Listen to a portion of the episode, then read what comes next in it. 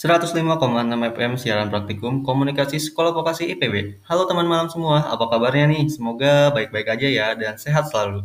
Balik lagi bareng aku Hari tentunya dalam program CSBB, cerita seram bareng-bareng. Tentunya dalam 45 menit ke depan kita bakal seru-seruan ngomongin segala hal yang berhubungan dengan hal-hal seram yang terjadi di tanah air tercinta kita. So stay tune terus bareng aku di 105,6 FM siaran praktikum komunikasi sekolah vokasi IPB. Masih di 105,6 FM siaran praktikum komunikasi Sekolah Vokasi IPB. Dengan aku Hari di sini tentunya dalam program CSBB, cerita seram bareng-bareng. So, sebelum aku bercerita, aku mau ngingetin buat teman malam yang sekiranya punya cerita seram. Baik itu di kampus, rumah, atau kota kalian. Boleh banget dikirimkan ke aku di 08777 021 0860 atau email kita teman cerita seram 1 at gmail.com. Dan untuk cerita yang beruntung akan aku bacakan setiap minggunya. So, tunggu apa lagi? Segera kirimkan cerita teman malam semua ya. Dan seperti biasa, persiapkan diri teman malam semua dengan selimut hangat dan mungkin secangkir air putih untuk menemani malam kita kali ini. Dan untuk memulai cerita seperti biasa, aku akan puterin satu lagu lagi untuk teman malam semua. Dan ini dia, Beranjak Dewasa dari Nadine Amija. 105,6 FM siaran praktikum komunikasi Sekolah Vokasi IPB. Gimana nih teman-teman semua? Udah siap untuk mulai bercerita atau mungkin udah nggak sabar nih?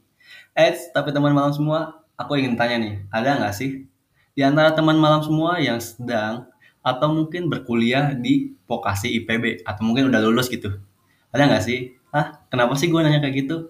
Jadi gini teman malam semua, aku mendapat berita atau mungkin mendapat cerita yang seru dan menarik datang dari vokasi IPB. Serius ini mah. Jadi ada salah satu cerita seram atau mungkin mistis gitu yang terkenal banget di kalangan mahasiswanya.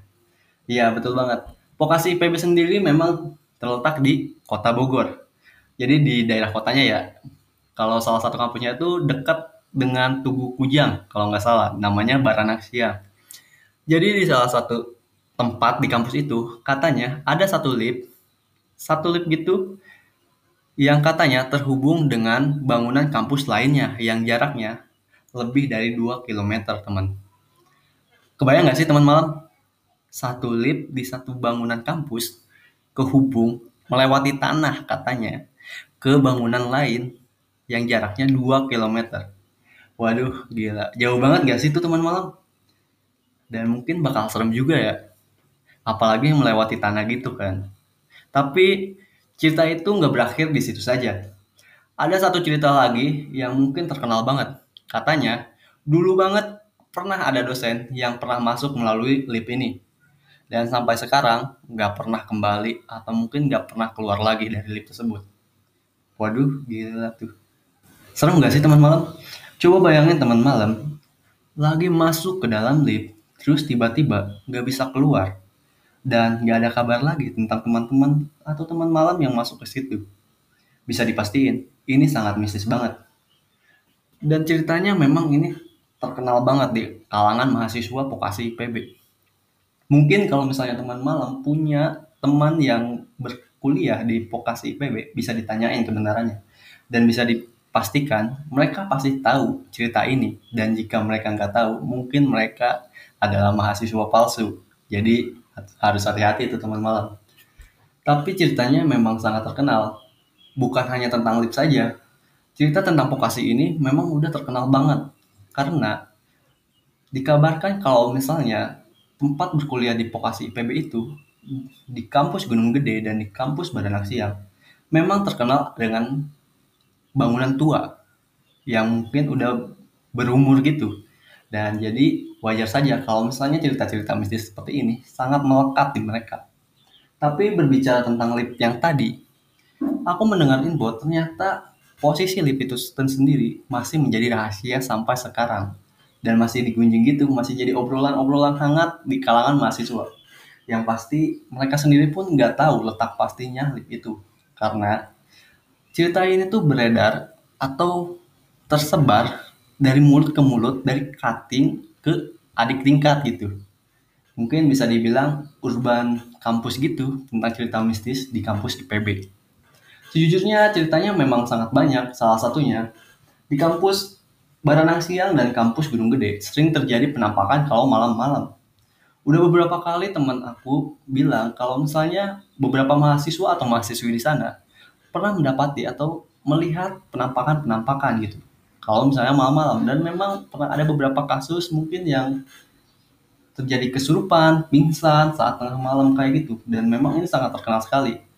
Karena mungkin tadi bangunan tua yang mempengaruhi atmosfer di sana mungkin kayak suasananya menjadi sangat mistis tuh dapat banget di suasana sana. Dan mungkin ini bisa jadi referensi juga buat teman-teman atau teman malam semua yang ingin mencari tempat-tempat seram entah itu untuk bermain atau mungkin hanya sekedar bersilaturahmi dengan hantu-hantu di sana sok mangga boleh banget tuh dijadiin salah satu destinasi buat wisata seram teman malam semua sejujurnya masih banyak banget sih cerita-cerita seram yang datang dari kampus IPB. Bukan hanya dari vokasinya aja, dari S1-nya juga banyak banget. Mungkin lain kali kalau misalnya ada kesempatan, aku bakal menceritakannya lagi ke teman malam semua. So, semoga aja waktu itu akan datang. Dan seperti biasa, sebelum kita melanjut ke acara selanjutnya atau cerita selanjutnya, aku akan memutarkan satu lagu untuk menemani malam kita hari ini. Dan ini dia, Resah dari Payung Teduh. Aduh, lapar banget. Udah malam lagi, males banget buat masak. Ah, iya ya, gue kan punya Povi. Mie instan teman lapar. Masak kopi dulu ah. Povi, mie instan teman lapar. 105,6 FM siaran praktikum komunikasi sekolah vokasi IPB. Tentunya masih sama aku hari dengan cerita seram dan seru di CSBB. Cerita seram bareng-bareng. Seperti apa yang aku janjikan untuk teman malam semua, aku akan cerita satu lagi cerita seram yang sayang banget kalau dilewatkan. Mungkin cerita ini memang tidak seterkenal desa penari dari Tanah Jawa, atau mungkin cerita seram yang pernah ramai pada masanya. Namun menurut aku, cerita seram ini wajib untuk diketahui oleh orang banyak, karena memang seseru dan seseram itu ceritanya. Jadi pastikan teman malam semua dengerin dengan baik ceritanya, dan selamat menikmati. Cerita yang akan aku ceritakan datang dari sebuah daerah yang memang tidak terlalu terkenal secara luas. Di salah satu kabupaten yang mungkin dekat dengan ibu kota Jakarta. Bisa dibilang daerah ini termasuk daerah yang masih asri gitu. Dan kalau malam tentunya sangat seram. Ya, daerah ini adalah daerah di Kabupaten Bogor. Lebih tepatnya sih di daerah sekitar Cigudeg. Di situ ada satu daerah bernama Rengganis dengan cerita menarik yang sangat menarik untuk dikupas.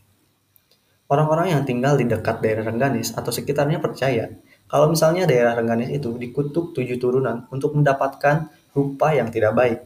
Dan di sini yang menariknya, setiap orang yang pernah aku tanyai soal cerita ini seperti mengiyakan jika kutukan ini beneran ada atau nyata.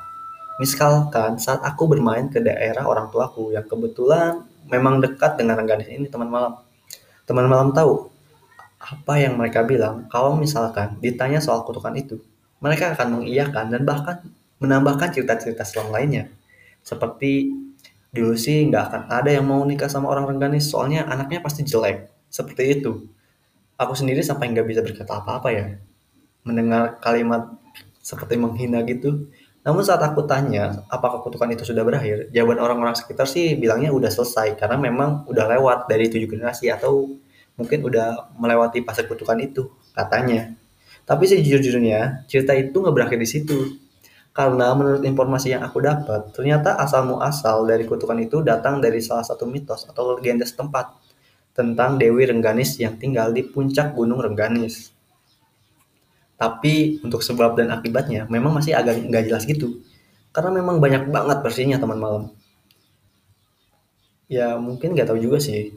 Dan juga aku dapat informasi jika memang di daerah Rengganis itu, lebih tepatnya pada daerah pegunungan atau bukitnya gitu, memang terkenal akan hal-hal mistis gitu.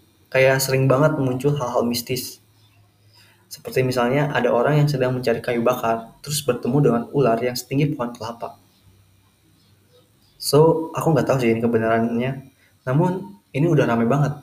Kayak udah turun-temurun gitu kalau misalnya ke main ke pegunungan atau daerah-daerah rengga, di sekitar Rengganis gitu bakal banyak banget mitos-mitos kayak gitu yang paling terkenal sih adalah pasar hantu di Gunung Rengganis yang akan muncul untuk menyesatkan orang-orang yang datang nah Cerita tentang pasar setan atau pasar hantu ini memang sangat terkenal banget.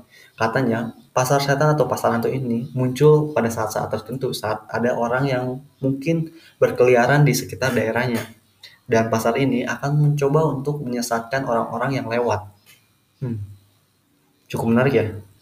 Dan alasan alasannya mungkin nggak tahu juga gitu. Mungkin emang hantunya lagi gabut kali ya atau mungkin apa. Tapi emang ini serem banget sih karena memang cerita dari Rengganis seperti legenda gitu. Dewi Rengganis itu ceritanya memang seperti urban legend dari daerah situ. Walau tidak terkenal. Udah kayak mitos atau legendanya sendiri. Selalu melekat pada daerah mereka. Dan alasan mereka mengapa nggak seramai desa penari atau cerita hantu. Atau mungkin kayak cerita pocong jembatan ancol kayak gitu. Mungkin karena alasan lokasinya yang jauh dari pusat kota dan akses jalan yang masih terbilang tidak bersahabat.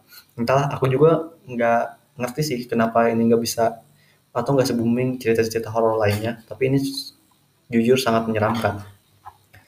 Dan sebenarnya masih banyak banget cerita yang bisa aku ulik tentang daerah Rengganis yang sayangnya masih simpang siur dan aku nggak berani menceritakan karena memang keterbatasan informasi.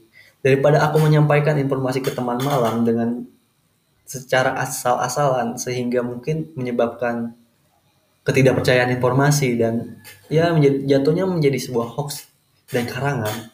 Aku memilih untuk menyimpannya dan mencari tahu terlebih dahulu informasi tersebut. Sehingga saat aku menyampaikan ke teman malam, cerita itu sudah pasti. Walaupun memang masih menjadi mitos, namun sudah pasti kebenarannya di kalangan masyarakat setempat. So, mungkin cerita tentang Reganis ini berakhir sampai di situ. Dan seperti biasa, untuk mengakhiri cerita kita, aku akan memutarkan satu lagu lagi untuk menemani malam ini. Dan ini dia, Membasuh dari Hindia. Halo teman. Aduh, kenapa lu nih gue? Pasti gara-gara kurang jaga kesehatan nih. Apalagi di keadaan yang sekarang ini. Mestinya gue harus jaga diri lebih ekstra. Ah, udah mah gak pakai masker lagi ke tadi waktu keluar agar terhindar dari virus yang tidak diinginkan, harusnya gue pakai masker. Oke lah, mulai minggu depan. Kok minggu depan? Harusnya mulai sekarang. Jika ada sesuatu, gue harus tetap menjaga kesehatan. Patuhi peraturan protokol kesehatan yang ada dan tentunya jaga kesehatan. Iklan masyarakat ini dipersembahkan oleh Komunikasi IPB. 105,6 FM siaran praktikum komunikasi sekolah vokasi IPB. Oke teman malam gak kerasa ya, aku udah menemani selama 45 menit. Dan artinya ini waktunya aku untuk undur diri. Eits, tapi tenang aja, jangan sedih karena minggu depan pada waktu dan jam yang sama, aku akan kembali lagi untuk menemani teman malam semua. Tentunya dengan malam yang asik, dengan cerita asik dan seru di mana lagi kalau bukan di CSBB. Cerita seram barang-barang dan aku Hari Muhammad pamit undur diri dan sampai jumpa.